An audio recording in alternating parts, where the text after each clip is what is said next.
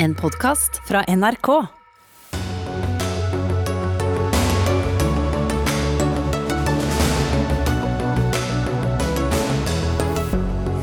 Riksrevisjonen inn i pendlerboligsakene på Stortinget. Kontrollen har vært for dårlig, sier riksrevisoren før arbeidet har startet. Stortingspresidenten fastholder det hun kaller for en misforståelse, mens stortingspartiene teller på knappene om de har videre tillit til henne. Forfatter fordømmer og forbanner Den katolske kirke for manglende solidaritet med barn som er utsatt for overgrep, møter Oslo katolske bispedømme til debatt i Dagsnytt 18.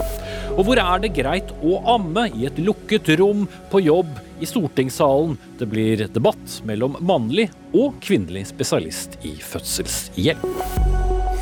Ja, Da sier vi god torsdagskveld og velkommen til Dagsnytt 18 med Espen Aas. Striden rundt den eh, tidligere pendlerleiligheten til stortingspresident Eva Kristin Hansen fra Arbeiderpartiet er også toppsak i dag. Hansen fikk som kjent pendlerleilighet i Oslo i tre år, til tross for at hun i det samme tidsrommet eide og bodde i en bolig som lå så nærme Stortinget at hun ikke hadde rett på pendlerbolig. Som Aftenposten meldte tidligere i dag, skal dere i Riksrevisjonen nå inn i disse sakene, for det er jo flere. Riksrevisor Per Christian Foss, men før vi går inn i selve arbeidet som eh, riksrevisor, og med lang fartstid også på Stortinget, hva slags konsekvenser kan dette få for omdømmet til vår eh, folkevalgte forsamling? Jeg er redd for at det bare har negative virkninger på omdømmet og tilliten. Det er grunn derfor vi gikk inn i saken, for tillit til Stortinget er jo en avgjørende del av demokratiet. Eh, og så mye som har kommet frem, så er det vanskelig å forstå hvordan så mange kunne misforstå regler som egentlig er ganske enkle. Og hvor alle kom ut pluss eh, for egen del ved å Ja. angivelig misforstå. Det er klart det gjør jo at eh, folk flest, kanskje, som det heter nå, eh, har mistanke om at noen kan ha- tolket reglene for å berike seg. Det undergraver jo ytterligere tilliten til eh, politikere og til demokratiske institusjoner. Derfor har vi følt det nødvendig å gå inn i denne saken og granske det, det som har skjedd tilbake i tid. Vi har jo vi har altså Riksrevisjonen er landets største uavhengige organ for gransking. Så det skulle bare mangle at ikke vi gikk inn i denne saken, og vi har lang erfaring med å granske tilbake i tid. Og, og nettopp dette med omdømme er jo, eh, som du sier selv, eh, noe dere er veldig opptatt av. Vår demokratiske institusjon. Dette er de folkevalgtes representanter. De vi setter til å eh, forvalte landet og lage lover osv. Men når den ene folkevalgte etter den andre sier jeg beklager, eh, jeg legger eh, meg flat, eh, jeg misforsto, blir det da samsvar mellom det og det vi har sett i andre saker som også granskes, f.eks. Nav-sakene? Nei, Det er der det ligger en veldig stor fare at folk oppfatter det slik at de har en elitestand av politikere som lever etter helt egne regler, som ikke samsvarer med det som gjelder folk flest. Eh, overfor Nav, som du nevner, eller overfor skatteetaten osv. For overfor Nav og, og skatteetaten hjelper det ikke å si 'beklager, jeg misforsto'. Nei, det er veldig tydelig at det ikke hjelper. Så, så derfor er det viktig at det gjenopprettes tilliten både ved et nytt regelverk, som Stortinget heldigvis har nedsatt nå en meget dyktig kommisjon, så langt jeg kan se, eh, til å gå gjennom og lage nye regler. Men det er også viktig at, at vi rydder opp i saken eh, som har eh, pågått nå over flere år. Mm. Mange av de som eh, hører på, lurer da på når dere gransker dette, hvis dere finner uregelmessigheter, at ting kan tyde på at noen, om enn ikke alle, kan ha eh, bevisst eh, beriket seg osv. Men dere kan ikke eh, straffe noen eller eh, sørge for at dette gis eh, konsekvenser? Nei, vi kan ikke gjøre det, men vi kan anbefale. Nå må jeg ikke ta noen konklusjoner ennå. Nei, men det er bare for å forklare litt veikartet. Hva skjer når Riksrevisjonen Ja, går i disse sakene? Vi gransker hvordan praksis har vært i forhold til regelverket. Og disse sakene er nok forskjellige, de mange sakene som har dukket opp. Det vil jeg ta forbehold om. Men vi kan jo peke på behovet for eh, rettsoppfølging i en eller annen form. Så det er ikke uvanlig at vi peker på at, at andre må granske videre. Og her er det både skatteetat og i, i verste fall politiet, Økokrim, inne i bildet. Eh, jeg vil ikke si at det, jeg ser de konklusjonene nå, men vi har mulighet til å peke på at disse institusjonene må følge opp videre. Mm. Og det i seg selv kan være med på å gjenopprette tilliten til eh, våre folkevalgte, at de samme behandling som det, det vi kaller vanlige folk får? Det tror jeg. Men vi har det syke frem. Mm. Jeg ønsker deg lykke til med, med, den jobben, riksrevisor eh, Per eh, Foss. Vi skal eh, endre litt på panelet i studio, for vi skal også diskutere videre det politiske i denne saken. Så vidt vi vet, så sitter stortingspresident Eva Kristin Hansen akkurat nå og, skriver på en redegjørelse om hele denne pendlerboligsaken. Det varslet hun at hun kom til å gjøre etter at hun satt i et over én times langt krisemøte med de parlamentariske lederne på Stortinget i formiddag. Hun har derfor takket nei til å delta i sendingen, og vi får heller ikke i dag stilt henne noen direkte spørsmål.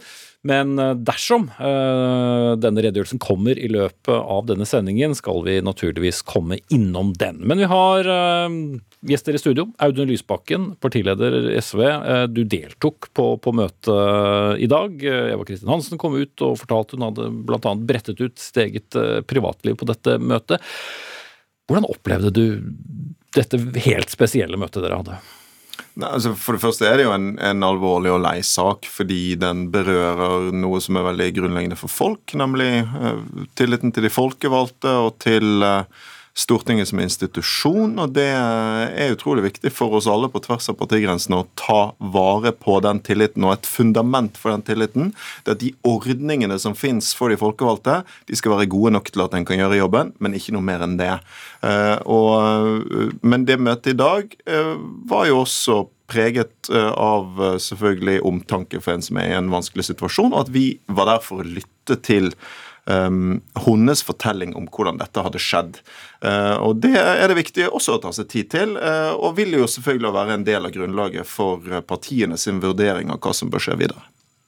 Ja, men Det hun forklarer om sin egen tid, har det avgjørende forklaring? For hun har jo samtidig sagt at hun har misforstått reglene. Hun har fått en pendlerbolig i en treårsperiode da hun ikke skulle ha det. Ja, altså, Det er jo lett lettere for meg å gå inn på det når den skriftlige redegjørelsen har kommet, for da kan alle se hva som er det hun ønsker å, å legge fram, og så kan vi uh, dele våre vurderinger av, uh, av det. Uh, men, men, jeg er litt opptatt av å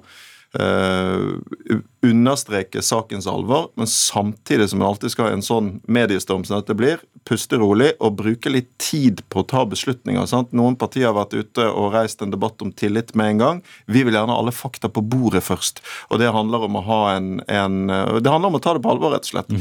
Men, men det, Så vi avventer fortsatt en del ting der, da. Mm. Men, hva lurer du egentlig på? Vi har fått uh, vite at Ski er uh, 29 km unna Stortinget, at reglene er 40 km, og at uh, folkeregistrert adresse var i Trondheim hvor hun kun disponerte eh, en leilighet. Så, så hvor mye fakta trenger du egentlig? Jeg, jeg syns det er riktig å, å, å, avvente det vi nå også får skriftlig, for det er en del av en seriøs saksbehandling av et alvorlig spørsmål. Og, så, og det, det ville jeg sagt også hvis det var en borgerlig statsråd i hardt vær. Det mener beviselig at vi har gjort i en del sånne stormer. Ikke hoppe til konklusjonen første dag, men gå grundig inn i det. Det syns jeg saken fortjener. Men så var det jo en annen veldig viktig ting som skjedde på det møtet, og det var at det var enighet partiene imellom om at når nå kommer opp en sånn sak til, hvor administrasjonen sier at her har eh, en representant fått pendlerbolig uten å ha krav på det.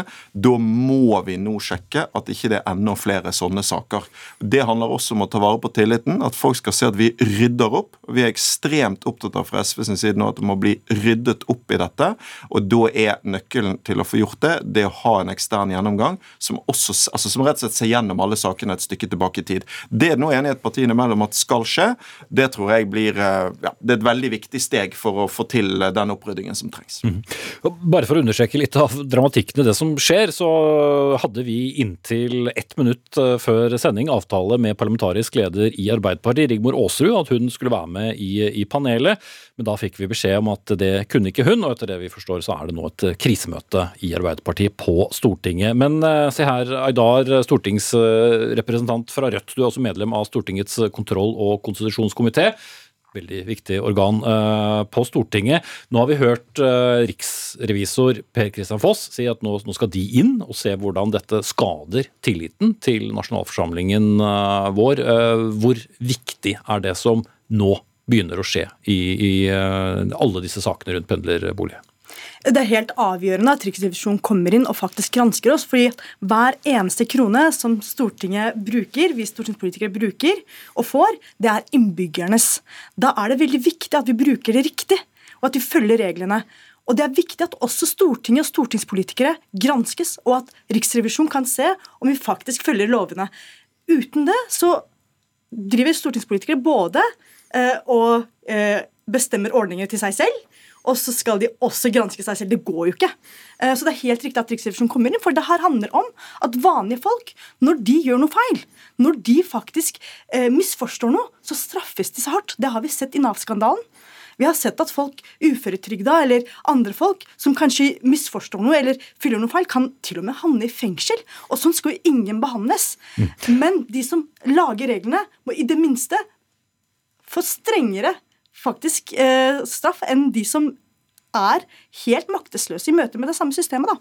Så du mener at uh, de som har uh, oppgitt feil opplysninger, eller bare misforstått regelverket på Stortinget, må slås hardere ned på enn om uh, man er en menigmann som har misforstått reglene hos skatteetaten eller Nav?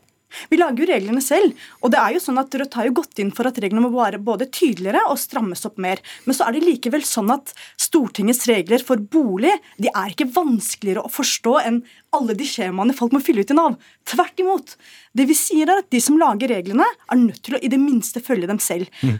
Gjøres det noe feil, ja da må en opprydding til. Det er det vi sier at folk må ta ansvar. Også toppolitikere er nødt til å ta ansvar. Mm. Greit nok. Hvis vi går til denne spesielle saken, så bare stille samme spørsmål eh, til deg da, som jeg stilte til eh, Audun Lysbakken. Er det mer du trenger å vite om denne saken? For det er jo slått fast at det som skjedde ikke var eh, i tråd med regelverket. Dette er en alvorlig sak, og vi kommer ikke til å frede noen. Men nå venter vi også på den skriftlige redegjørelsen, og vi har sendt inn 20 spørsmål som vi vil ha svar på. Og når vi har fått de svarene, så kommer vi til å konkludere ut ifra den informasjonen vi har fått. Mm. Men det er jo helt klart at med den informasjonen vi har nå, så er eh, tilliten tynnslitt. Men vi skal konkludere når vi har fått alle svarene. Mm. Eh, jeg vet ikke hvor konkret du kan være på det, Audun Lysbakken, men hvor eh, konkret trenger en sånn redegjørelse å være før du og ditt parti bestemmer dere for tilliten videre? Jeg tenker at Det er litt opp til presidenten. For det jeg syns er redelig her, eh, og som er en av grunnene til at, vi gjerne vil se det an, er at uh, hun som nå uh, står midt i denne stormen, og som har erkjent at hun har gjort et regelbrudd, hun må også få lagt fram sin forklaring og sitt forsvar før partiene konkluderer. Det syns jeg er, er, ryddig. Og så er det helt riktig som det er sagt her, at vi er nødt til å ha ordninger hvor det ikke er forskjellsbehandling av eh, folkevalgte og andre folk. Eh, justisen i Nav-systemet er knaller. Nå mener jo vi eh, at den er altfor hard. At den burde være mulighet til å ta litt større hensyn til folk som har vært i god tro. Det tror jeg Rødt er helt enig i. Men du må ha de samme prinsippene. Og da er nettopp muligheten nå til å få gått gjennom tidligere saker viktig. De, grunnen til at det er viktig, er jo at eh, for tillitens del er det både viktig å få avdekket om det er flere saker, men i tillegg også få bevist det jeg tror kommer til å være tilfellet, nemlig at de aller aller fleste som har pendlerbolig, har det helt i tråd med regelverket. For av og til kan det jo nå skape sitt inntrykk av at alle norske folkevalgte bryter disse reglene. Det er jo Eh, helt sikkert ikke riktig. Mm. Men det er fra mange partier, inkludert din egen nestleder Torgeir Knag Fylkesnes. Det har jo også vært oppe en, en, sak eh, med ham, og det er for all del ikke det samme som her. og Det er forskjellige tidsrommer, og flere partier har flere representanter. Men du er jo selv innvalgt fra Hordaland, bodd i Oslo en årrekke. Følte du regelverket var vanskelig? Ja, altså, jeg har ikke pendlerbolig, så jeg har jo da vært forskånet fra å gå dypt inn i dette eh, regelverket. Men, men jeg tror det, det er bare viktig å si, siden du kom uh, inn på det, at det finnes jo ulike problemstillinger knyttet til disse pendlerboligene. Så når du nevner Fylkesnes, så har jo han ikke fått pendlerbolig i strid med regelverket. Så det er ikke det samme.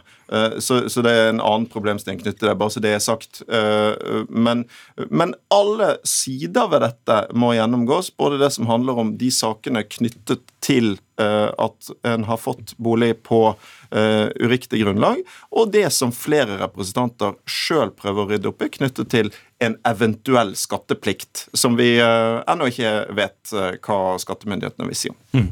Vi skal straks uh, runde av, men uh, Heidar, dere i Rødt vil også at det tas riktige straffereaksjoner dersom det er klare, klare, brudd, og det virker det som i hvert fall det er misforståelser, man ikke har handlet i tråd med, med, med regelverket. Men hva så? Vi hørte eh, Per Christian Foss, riksrevisoren, sa at han fryktet at den tilliten nå var svekket uansett, til, til eh, våre folkevalgte. Det viktigste tilliten her er jo tilliten folk har til de som er folkevalgte. Og Det er egentlig litt det som gjør at vi tar den saken så på alvor og venter på alle de svarene vi skal få. Fordi Vi er nødt til å sikre og sørge for at folk fortsatt har tillit til politikerne. Og Da må toppolitikere som gjør feil, med rett med bevisst eller ubevisst, rydde opp etter seg. Og Det er egentlig det denne saken kommer til å, å uh, handle om, og det som kommer til å være avgjørende for oss. Befolkningens tillit til politikerne og vår tillit videre til stortingspresidenten. Mm. Ok, Da sier jeg foreløpig takk til dere. Audun Lysbakken, leder av SV, og se her, Aydar, stortingsrepresentant for Rødt. Og som sagt, vi skulle hatt med oss Arbeiderpartiet, men de ble altså veldig opptatt.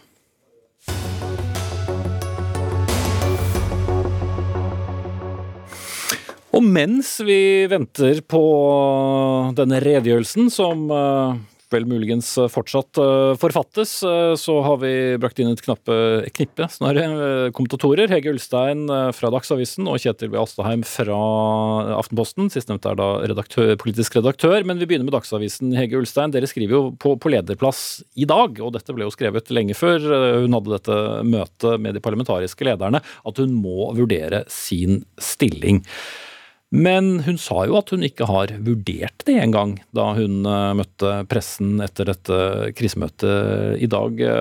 Er din uh, avis holdning til dette spørsmålet styrket eller svekket etter det hun sa? Jeg er overrasket over at hun svarte at hun ikke har vurdert stillingen sin i den dype krisen både hun og Stortinget befinner seg i nå. Det må jeg bare si. Og jeg skriver på kommentarplass nå i ettermiddag at hun, hun er nødt til å gå av. Og hvis hun ikke forstår det selv, så må noen fortelle henne det. Det hun gjorde i, i, ettermiddag, var jo at hun eh, brukte en veldig sterk personlig historie om sin egen sykdom og familiesituasjon som forklaring overfor eh, de parlamentariske lederne på Stortinget eh, når hun skulle redegjøre for hvorfor hun hadde kommet i denne situasjonen.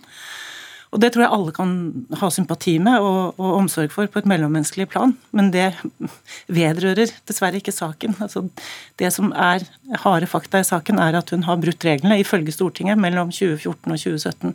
Og det er det som er kjernen i denne saken. Mm. Men uh, Alstaheim, uh, slik du ser det, uh, er det også blitt er det for lettvint å kreve bare en avgang, og så er det greit? Ja, altså det, det, er jo det man altså Kommentatorer og aviser gjerne tyr til. Eh, og det er ikke så rart at det, det blir et tema eh, i, i, denne saken.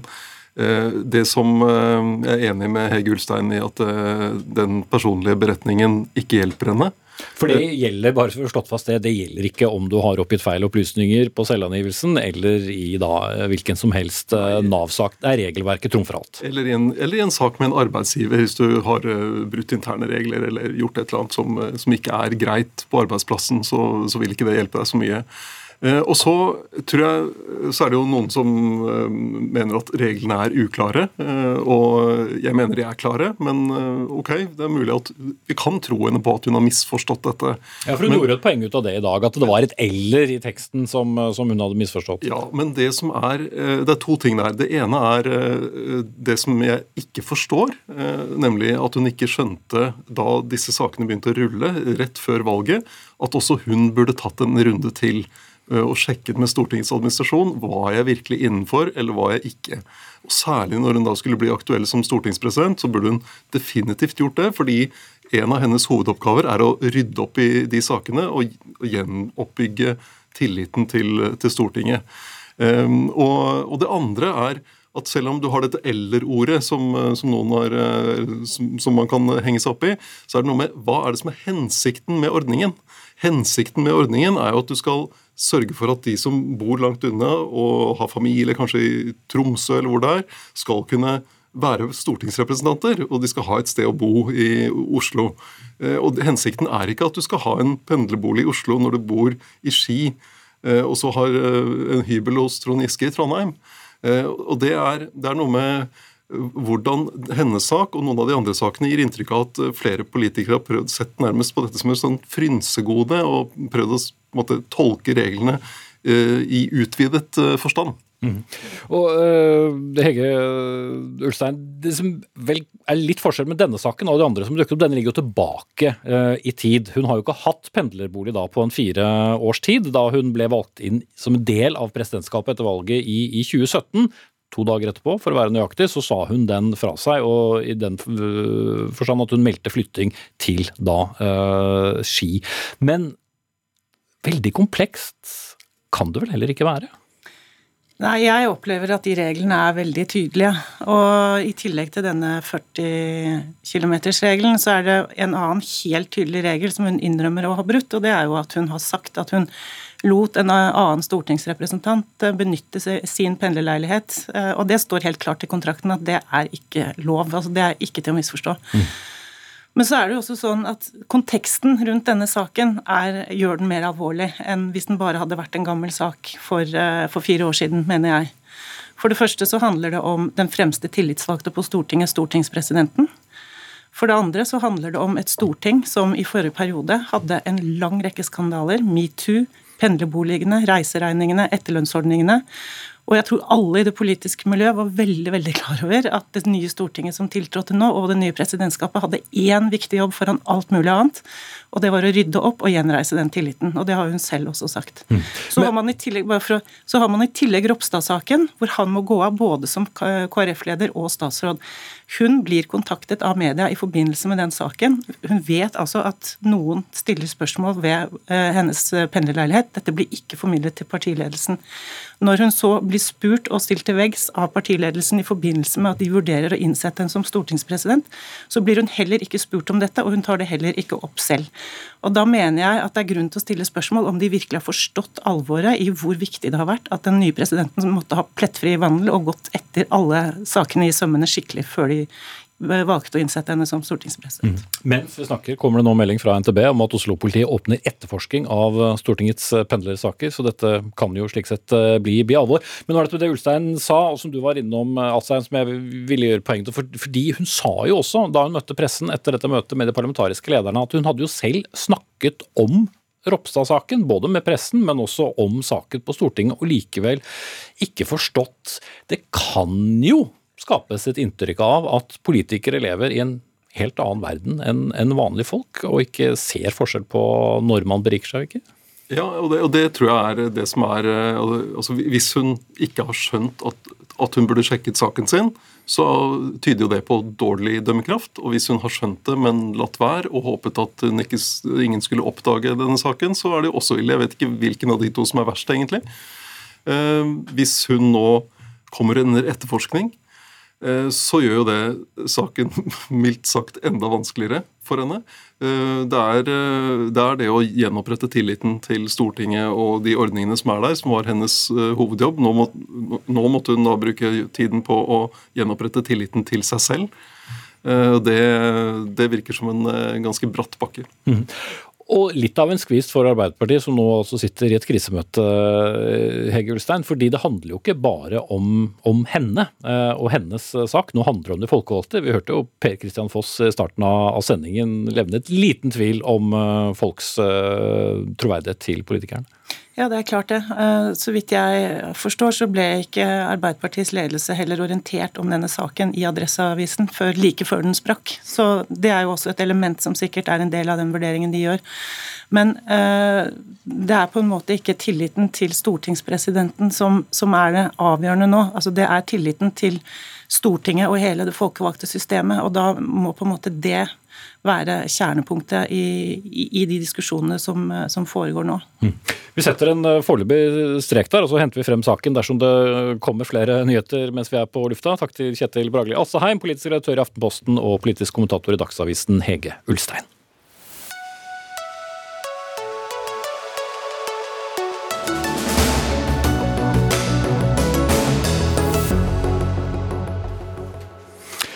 Og jeg starter den eh, neste bolken med et uh, sitat. Forbannet være den kirke som skjuler, overser og tilrettelegger for eh, seksuelle overgrep. Ordene kommer fra en av våre to gjester i studio, nemlig deg, forfatter Johan Mjønes. Du skrev dette i en kronikk på Ytring på, på NRK. Du har bakgrunn som altergutt i Den katolske kirke og etterlyser norske katolikkers solidaritet med de barna som er utsatt for eh, overgrep. Hva konkret er det du savner fra norske katolikker? Nei, Jeg savner jo et uh, helt konkret uh, raseri. Da. Det er det som, uh, som, var bakgrunnen for denne saken. da den franske rapporten kom, og tallene i den franske rapporten Jeg var først litt sånn bare enda en sak. Så så jeg tallene og omfanget, og da ble jeg dypt sjokkert og forferdelig sint. Mm. Så skrev jeg dette som, en, eh, ja, som et sinne, rett og slett. Ja, øh, forbannet været går gjennom eh, mange ganger. Øh, men øh, hva slags signal sender da norske katolikker på denne måten?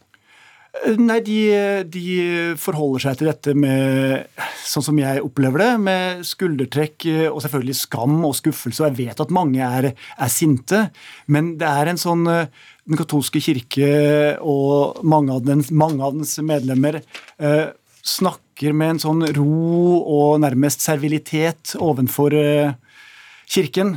Eh, og jeg savner et eh, litt, litt lidenskap og litt opprør og litt sinne over hva dette her faktisk innebærer. Mm. Hans Rosené, kommunikasjonssjef i Oslo katolske bispedømme. Er det sånn stilltiende aksept av uh, hva som har skjedd? Nei, overhodet ikke. Det er noe som heter stille vann har dypest grunn. Og selv om man kan virke rolig, så tror jeg det raser også i veldig mange katolikker og ikke-katolikker. Så alle blir selvfølgelig opprørte, sinte når man får lese om rapporter. Og, og det har jo ingen ende. ikke sant? Det kommer i Irland, det er i USA, det er i Tyskland, og nå sist den franske rapporten da, med så enormt antall uh, overgrep. Uh, I forhold til det tallet som, som presenteres av den rapporten, som blir initiert av av den franske kirke selv.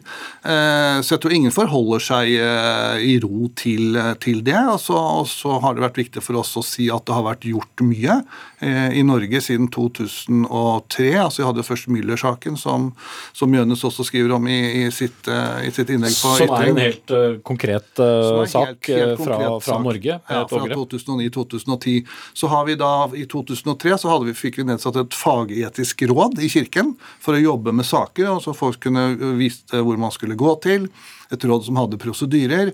Eh, man ettergikk da saker helt tilbake fra, fra 1950-tallet.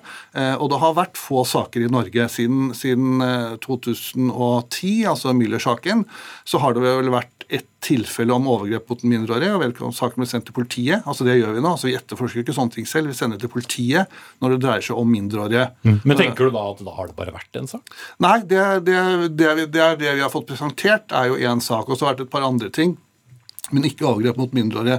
Og så antyder jo Mjønes at det kan være veldig store mørketall her. Eh, og det er klart at det burde man jo kanskje se på, eller se hvordan man kunne gå inn og se på. Men, men som sagt, vi har jo oppfordret siden 2003 og siden Müller-saken i 2004 folk om å henvende seg til Kirken. Vi har et stort apparat, det er lav terskel for å henvende seg. Det trenger ikke være en, en altergutt som har opplevd noe, det kan være en venn som har hørt noe. Som kan gå og, og henvende seg. Så vi, så vi, har både beredskapsplaner og gode planer. Men selvfølgelig, vi, vi må jobbe videre med, med, med, det her også. Mm. Så straks til deg, Mjøen, skal bare opplyse publikum vårt der hjemme om at Eva Kristin Hansen nå trekker seg som eh, stortingspresident. Vi kommer tilbake til denne saken eh, om litt, men nå holder vi også dette temaet. Når du hører hva Rosiné sier, eh, Mjønes, er det forklaring godt nok for deg? Nei, det er jo ikke det. Det er for lite og for seint.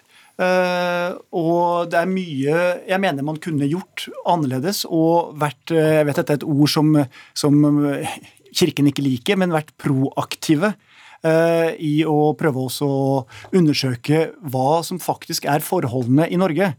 Det er klart at Man kan ikke overføre direkte fra Frankrike, men en, en, omregning der tilsvarer jo helt enorme overgrepstall også i Norge potensielt, altså mørketall.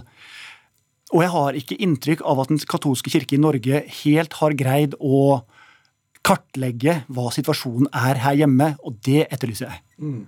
Altså Det er jo egentlig å gå inn i tallene i Frankrike, for det er mye synspunkter på det. Det er jo anslag og sånn, men straks jeg går inn og begynner å gå inn i tallene, så virker det som jeg sitter og unnskylder det. Men, men jeg kan si at vi, vi, får sette oss ned, tenker jeg. altså får invitere deg ned til oss, og så får vi sette oss ned nå i etterkant. Så får vi gå innom det tallmaterialet som, som, du sitter på, eh, og så diskutere om det er grunnlag for at vi går videre inn i det i Norge. Men det er klart det er, mange av disse tingene ligger langt tilbake i tid.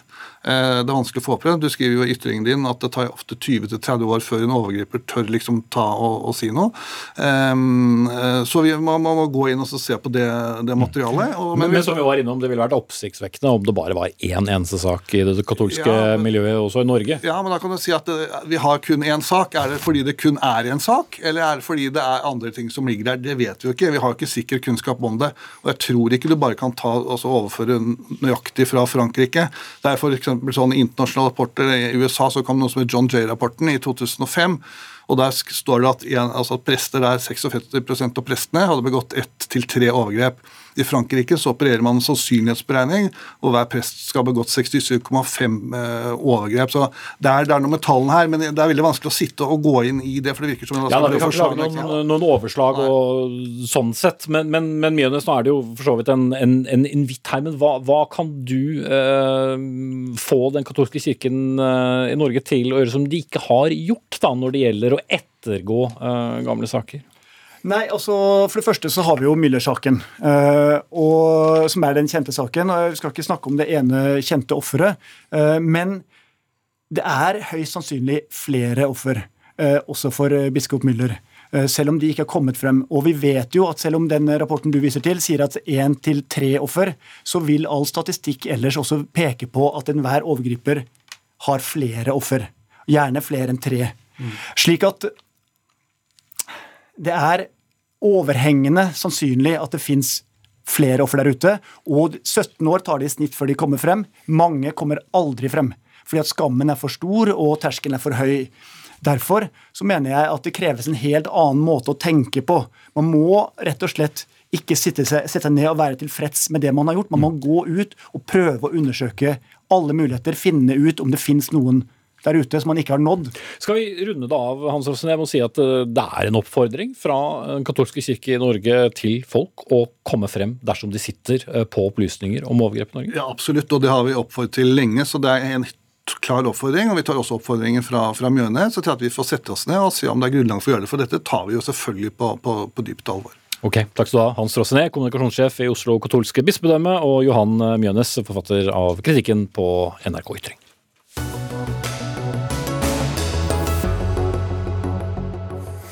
Ja, og Som jeg sa midtveis i denne debatten, eh, stortingspresident eh, Eva Kristin Hansen har altså trukket seg som uh, stortingspresident. Og Hege Ulstein, kommentator i Dagsavisen, du kommer da inn igjen. Og Hvordan er det hun begrunner dette?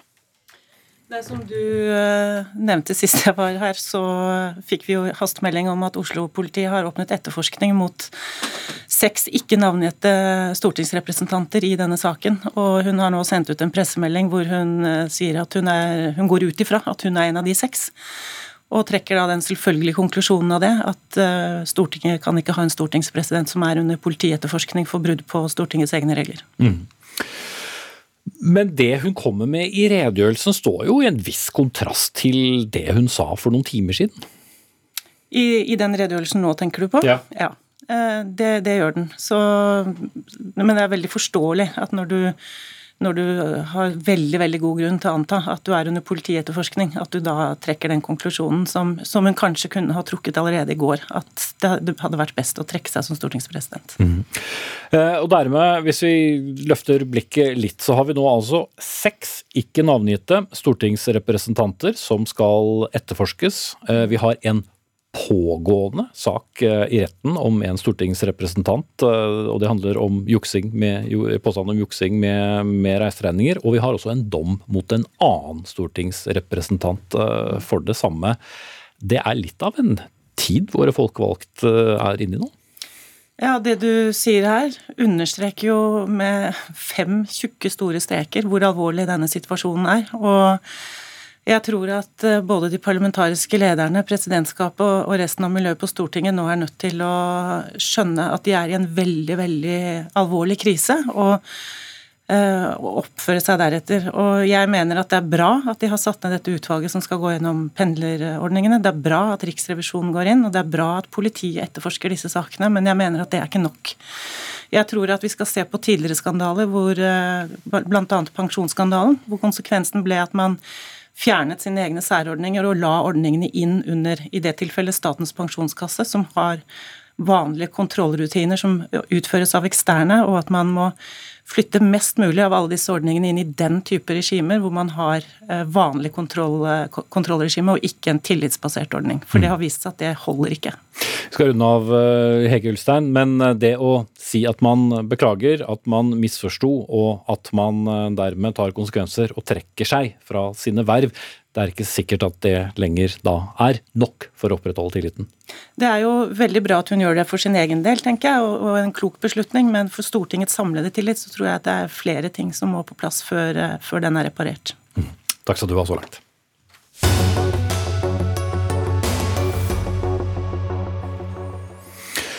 Så skal vi eh, hente opp eh, den 27 år gamle såkalte Silje-saken som eh, rystet Norge i 1994. Eh, den kan nå bli gjenopptatt. For de som ikke husker den, det var altså tre barn på fire, fem og seks år som fikk skylden for å ha skadet den da fem år gamle Silje Marie Redergård med døden til følge i en akebakke i Trondheim. En eh, ny dokumentar kan eh, endre på dette. Harald Eraker, journalist i NRK Brennpunkt.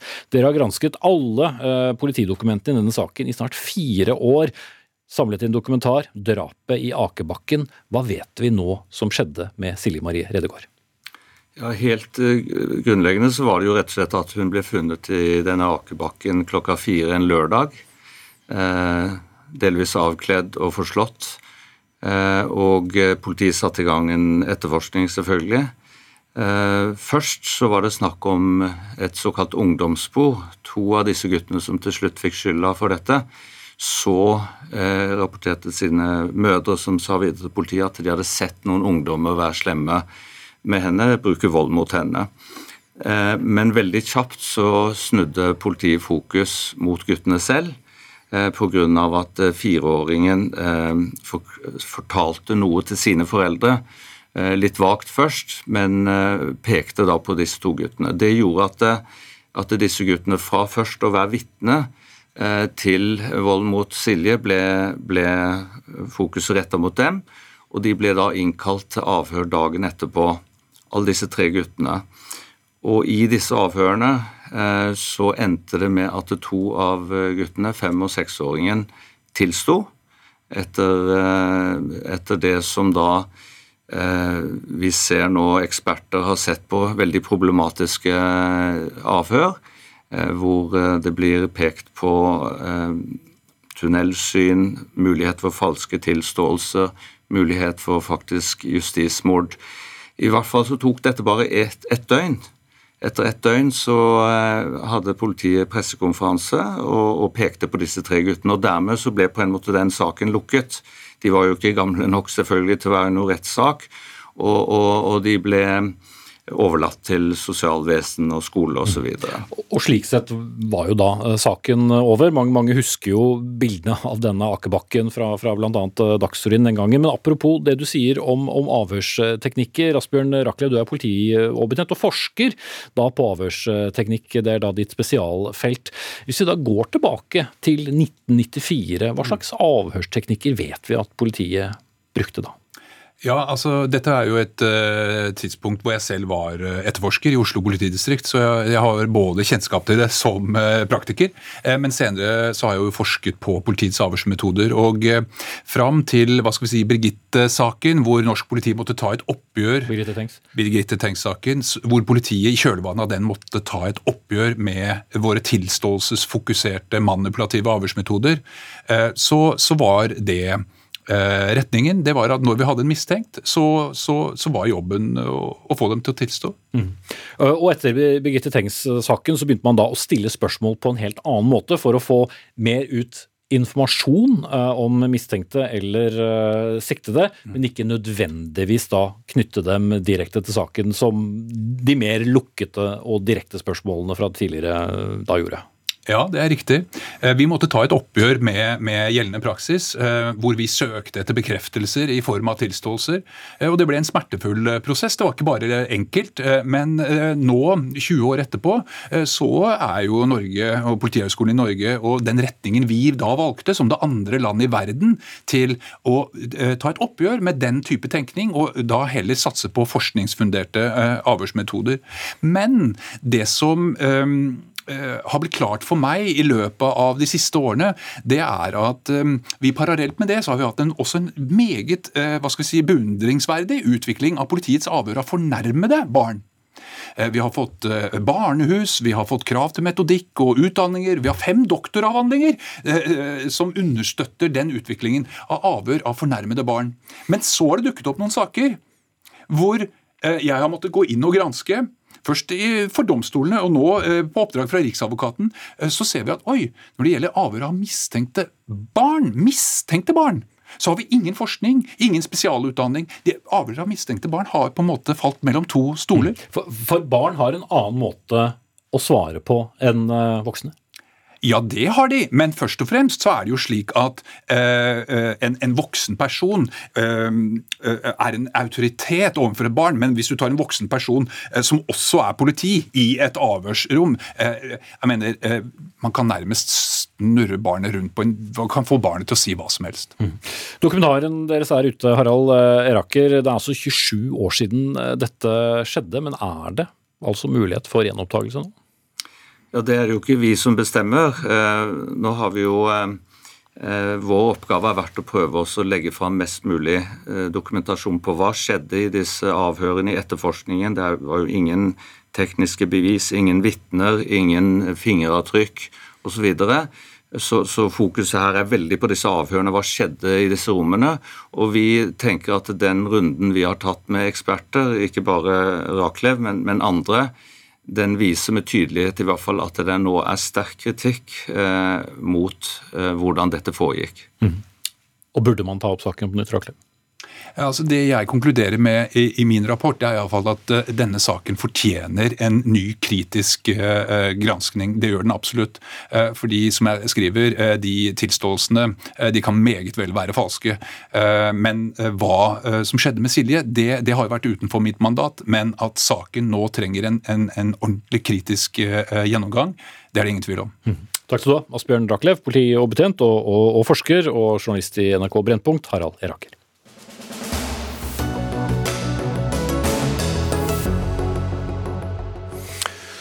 Dette er eh, Dagsnytt 18. Eh, vi skal tilbake til Stortinget mot slutten av eh, sendingen, men vi skal nå diskutere en sak som fikk sin aktualitet i nettopp stortingssalen.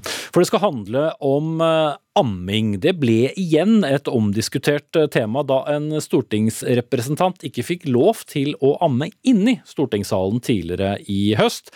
Etter det har diskusjonene rullet eh, videre til hvordan en kvinne skal amme på jobb. Må hun gå ut i et lukket, avskilt rom, eller kan hun amme der hun sitter og jobber. Vel, la meg sitere følgende fra en leges eh, kronikk på NRK Ytring nylig.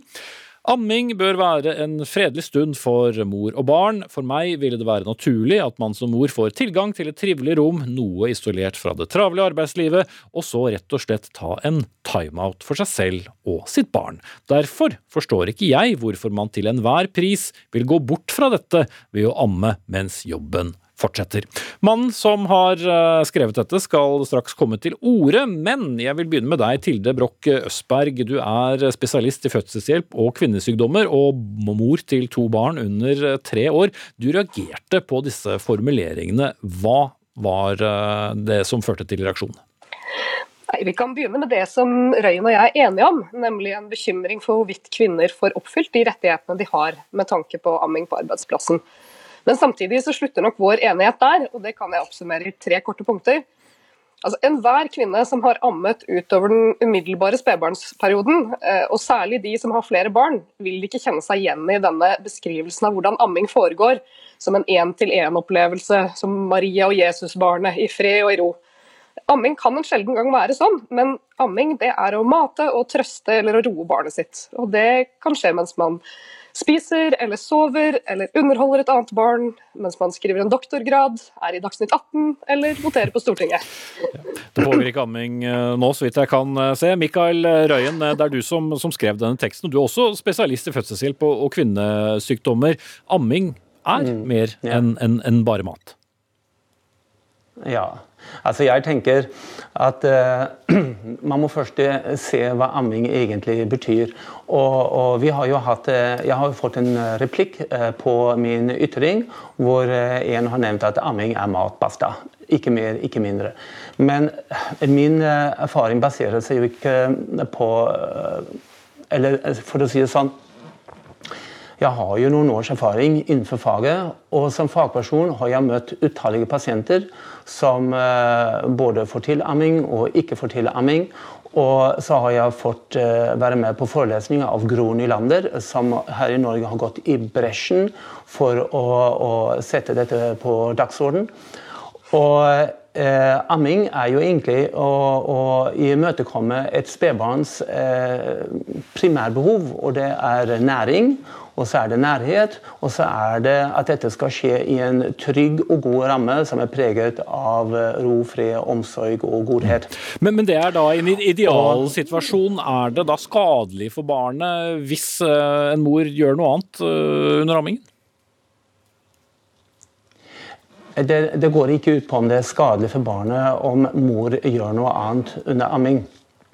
Det, det går på at um, rettighetene som kvinnen har her i Norge, de har, har jo ikke kommet gratis. Altså, her har det vært årevis med debatter. Det er faglitteratur som støtter opp under at det er utrolig viktig at man verner mor og barn når mor møter sitt barn eh, ved amming.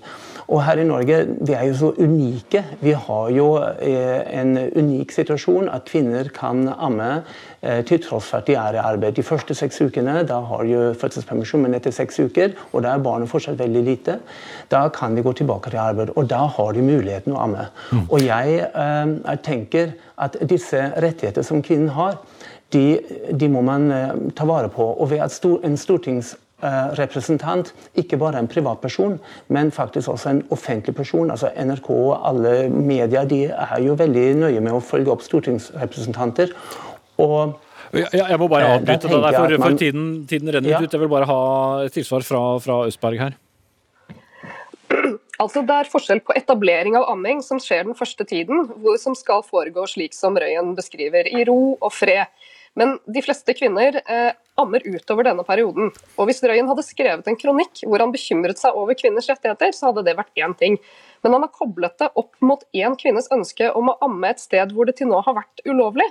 Eh, og hevde at det skal hemme andre kvinners mulighet til å få ivaretatt sine rettigheter, er en rar kobling for meg. Mhm. Men kan, altså, ikke, et veldig, en, unnskyld, men kan ikke et fokus på at kvinner nærmest da kan amme overalt, nettopp skape et press for enkelte kvinner som ikke er så komfortable?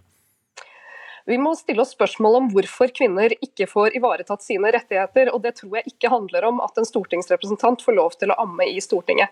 Det tror jeg handler om eh, relasjoner på arbeidsplassen, hvorvidt kvinner føler seg trygge på å kreve de rettighetene som de har, jf. arbeidsmiljøloven. Og Da tror jeg vi skal se mer på risiko som midlertidig arbeid, eller eh, manglende stillingsvern, eller andre aspekter som gjør at de ikke tør å kreve den rettigheten. For det er ikke slik at rettigheter er som kake. Det er ikke sånn at hvis noen får noe, så mister noen andre noe. Dette okay. er nedfelt i lovverk og tariff. Da takker jeg dere av, eh, Tilde Broch Østberg og Mikael Røyen, begge spesialister i fødselshjelp og på kvinnesykdommer.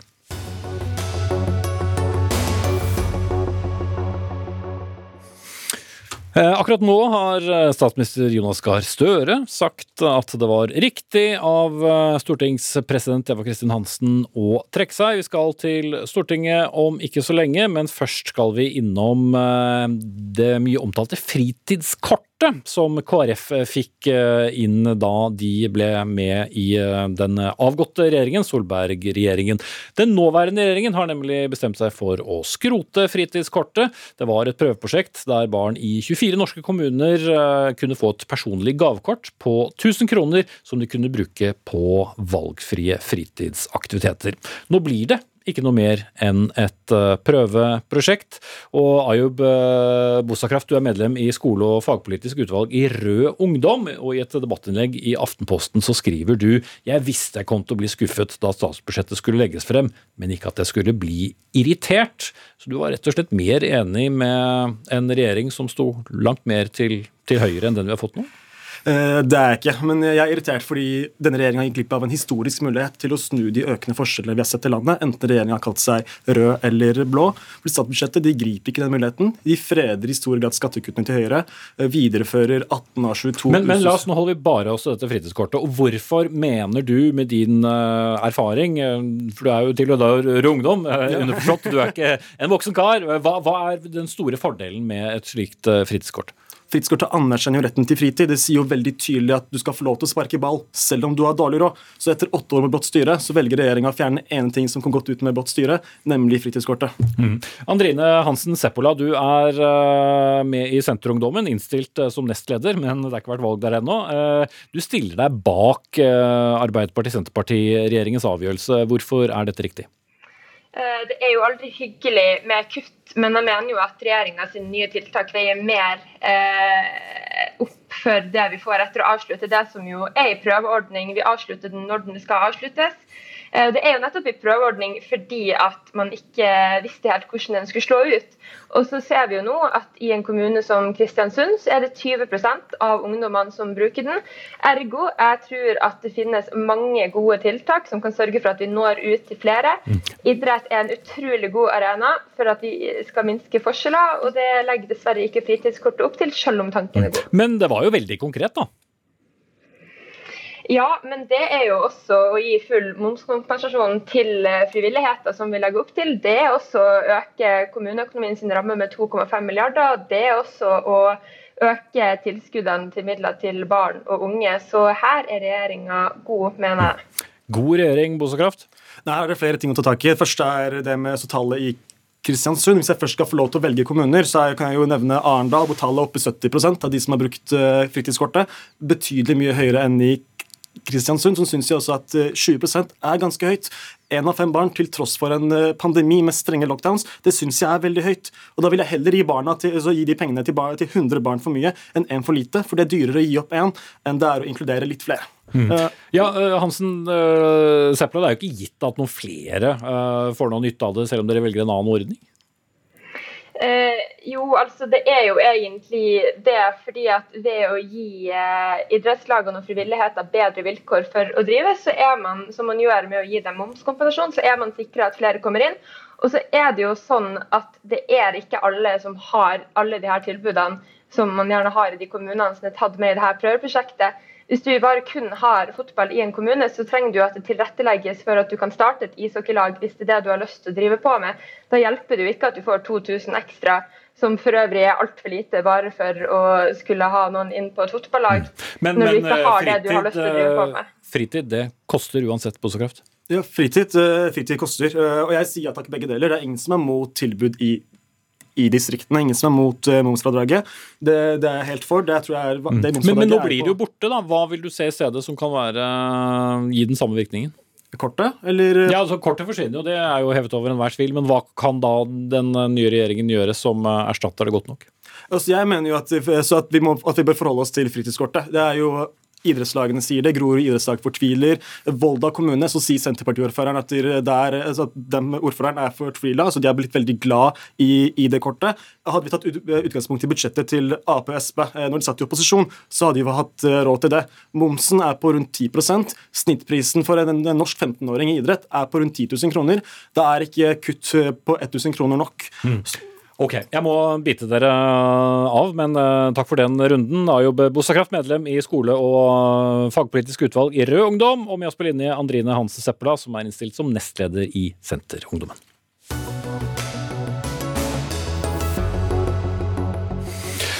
Fordi det skrives et lite stykke politisk eh, historie i dag, eh, i den forstand at eh, det nå under vår sending ble klart at Eva Kristin Hansen trekker seg som stortingspresident. Politisk kommentator her i NRK, Lars Nehru Sand, du har altså fulgt med på, på denne saken. Støre har uttalt seg og sagt at dette er bra. Hva slags reaksjoner er som kommer nå? Det alle i både ja, de som har uttalt seg både i Arbeiderpartiet og, og, andre partier sier, er at dette var en lur og klok beslutning fra den tidligere stortingspresidenten, kan vi vel si nå da. Hun begrunner dette med at hun nå antar at hun er blant de seks eh, personene som er under politietterforskning, og mener at Stortinget ikke kan ha en, eh, en president i, eller en i det vervet som er under politietterforskning, og at det er derfor Eh, hun da finner det riktig å trekke seg. Det skrittet fra eh, Oslo-politiet er jo et nytt Eh, skritt som har eh, blitt tatt i løpet av dagen i dag. Og det endrer jo også eh, sakens faktum, eller noe av det, da, etter at hun forklarte seg til de parlamentariske lederne i formiddag, og etter at hun da forfattet dette, denne skriftlige redegjørelsen nå i, i, ettermiddag. Så dette er en tilleggsopplysning som da gir henne muligheten til, til selv å, å, trekke seg med det som begrunnelse. Mm. Og dermed så trenger heller ikke de parlamentariske lederne i de andre partiene å ta stilling til om de har videre tillit til til eh, henne. Eh, men hva skjer videre nå? Vi vet jo ikke hvilke seks stortingsrepresentanter som Oslo-politiet heller skal, skal, etterforske. Det eneste vi vet er at eh, den nå avgåtte stortingspresidenten går ut fra at hun er en av dem. Ja, Hun sier selv hun går ut ifra det, og det er heller ikke noen av de seks andre navnene som er, er, offentlig kjent, i hvert fall ikke når jeg gikk inn i dette studio. Det har vært åtte personer Eh, i, i min regnestykke i hvert fall, som har vært omtalt i, i, ulike mediesaker med svært ulikt alvorlighetsgrad, får vi si. Eh, men Ropstad og Hansen er jo to av de mer eh, profilerte. Gulati i Frp er også en som det i hvert fall har vært reist mer skal si, begrunnet kritikk mot, mens det andre har vært snakk om, om folk som har hatt en mye mer skal vi si, reell gutteromsproblemstilling enn den Ropstad har hatt, hvor de da de facto har benyttet sitt, eh, sine foreldres bosted som hjemsted når de har vært i, i sitt eh, hjemfylke. Så eh, hvem av de seks eh, som er under, eh, under politietterforskning, vil sikkert bli kjent i, i løpet av eh, timer eller dager, men, men ikke kjent for meg, i hvert fall da jeg gikk inn hit. Vi skal straks slippe deg videre til, til, til Dagsrevyen, Lars Nehru men, men, til slutt, det at det kommer en hastemelding, eh, som det gjør i kveld, med at politiet etterforsker altså seks folkevalgte eh, samtidig. Det er eh, høyst uvanlige nyheter. Ja, det er det. Men det viser jo at eh, maktfordelingsprinsippet fungerer, og det viser at, eh, at det er eh, likhet for loven, og at også stortingsrepresentanter og stortingspresident kan etterforskes hvis man mener det er grunn for det. Jeg tror alle ser at de menneskelige sidene ved Eva Kristin Hansens situasjon, som hun selv har vektlagt veldig sterkt, de er på et medmenneskelig plan, lett å forstå, men på et juridisk plan ikke skal legges særlig vekt, i hvert fall ikke når det gjelder skyldspørsmål, kanskje når det gjelder en straffeutmåling eller forståelse av det, men, men at det eh, også for Nav-klienter og andre ikke er noe eh, formildende omstendighet når det gjelder skyld, eh, at man var i en vanskelig livssituasjon. Takk skal du ha, politisk kommentator Lars Nehru Sand. Jeg runder av denne sendingen med å lese opp redegjørelsen. Det har i kveld blitt kjent at Oslo politidistrikt har blitt bedt om å etterforske seks ikke navngitte stortingsrepresentanter etter oppslag i media. Jeg tar det for gitt at jeg er blant dem. Jeg mener det er uholdbart for Stortinget å ha en stortingspresident som er under politietterforskning. Jeg har derfor kontaktet min partileder og parlamentarisk leder og orientert om at jeg vil trekke meg som stortingsrepresentant. Eva Kristin Hansen var det som kom med den redegjørelsen. Og det var det vi rakk i Dagsnytt 18 i dag. Ansvarlig for sendingen, det var Gro Arneberg. Eli Kyrkjebø tok seg av det tekniske. Jeg heter Espen Aas. Det blir mer om denne saken først nå i Dagsrevyen. Følg også med på programmet Debatten her på NRK senere i kveld.